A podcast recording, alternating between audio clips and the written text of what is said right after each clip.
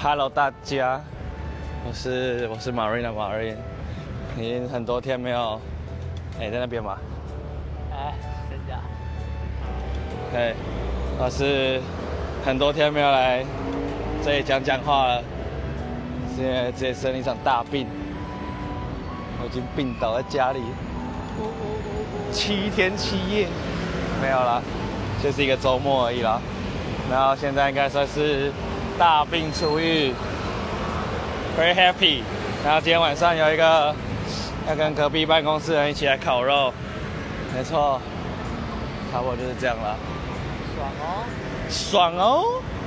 今天要来吃烤肉加喝酒，喝酒喝酒。嘟嘟嘟嘟嘟好，差不多就是这样，大家改天再见，不不。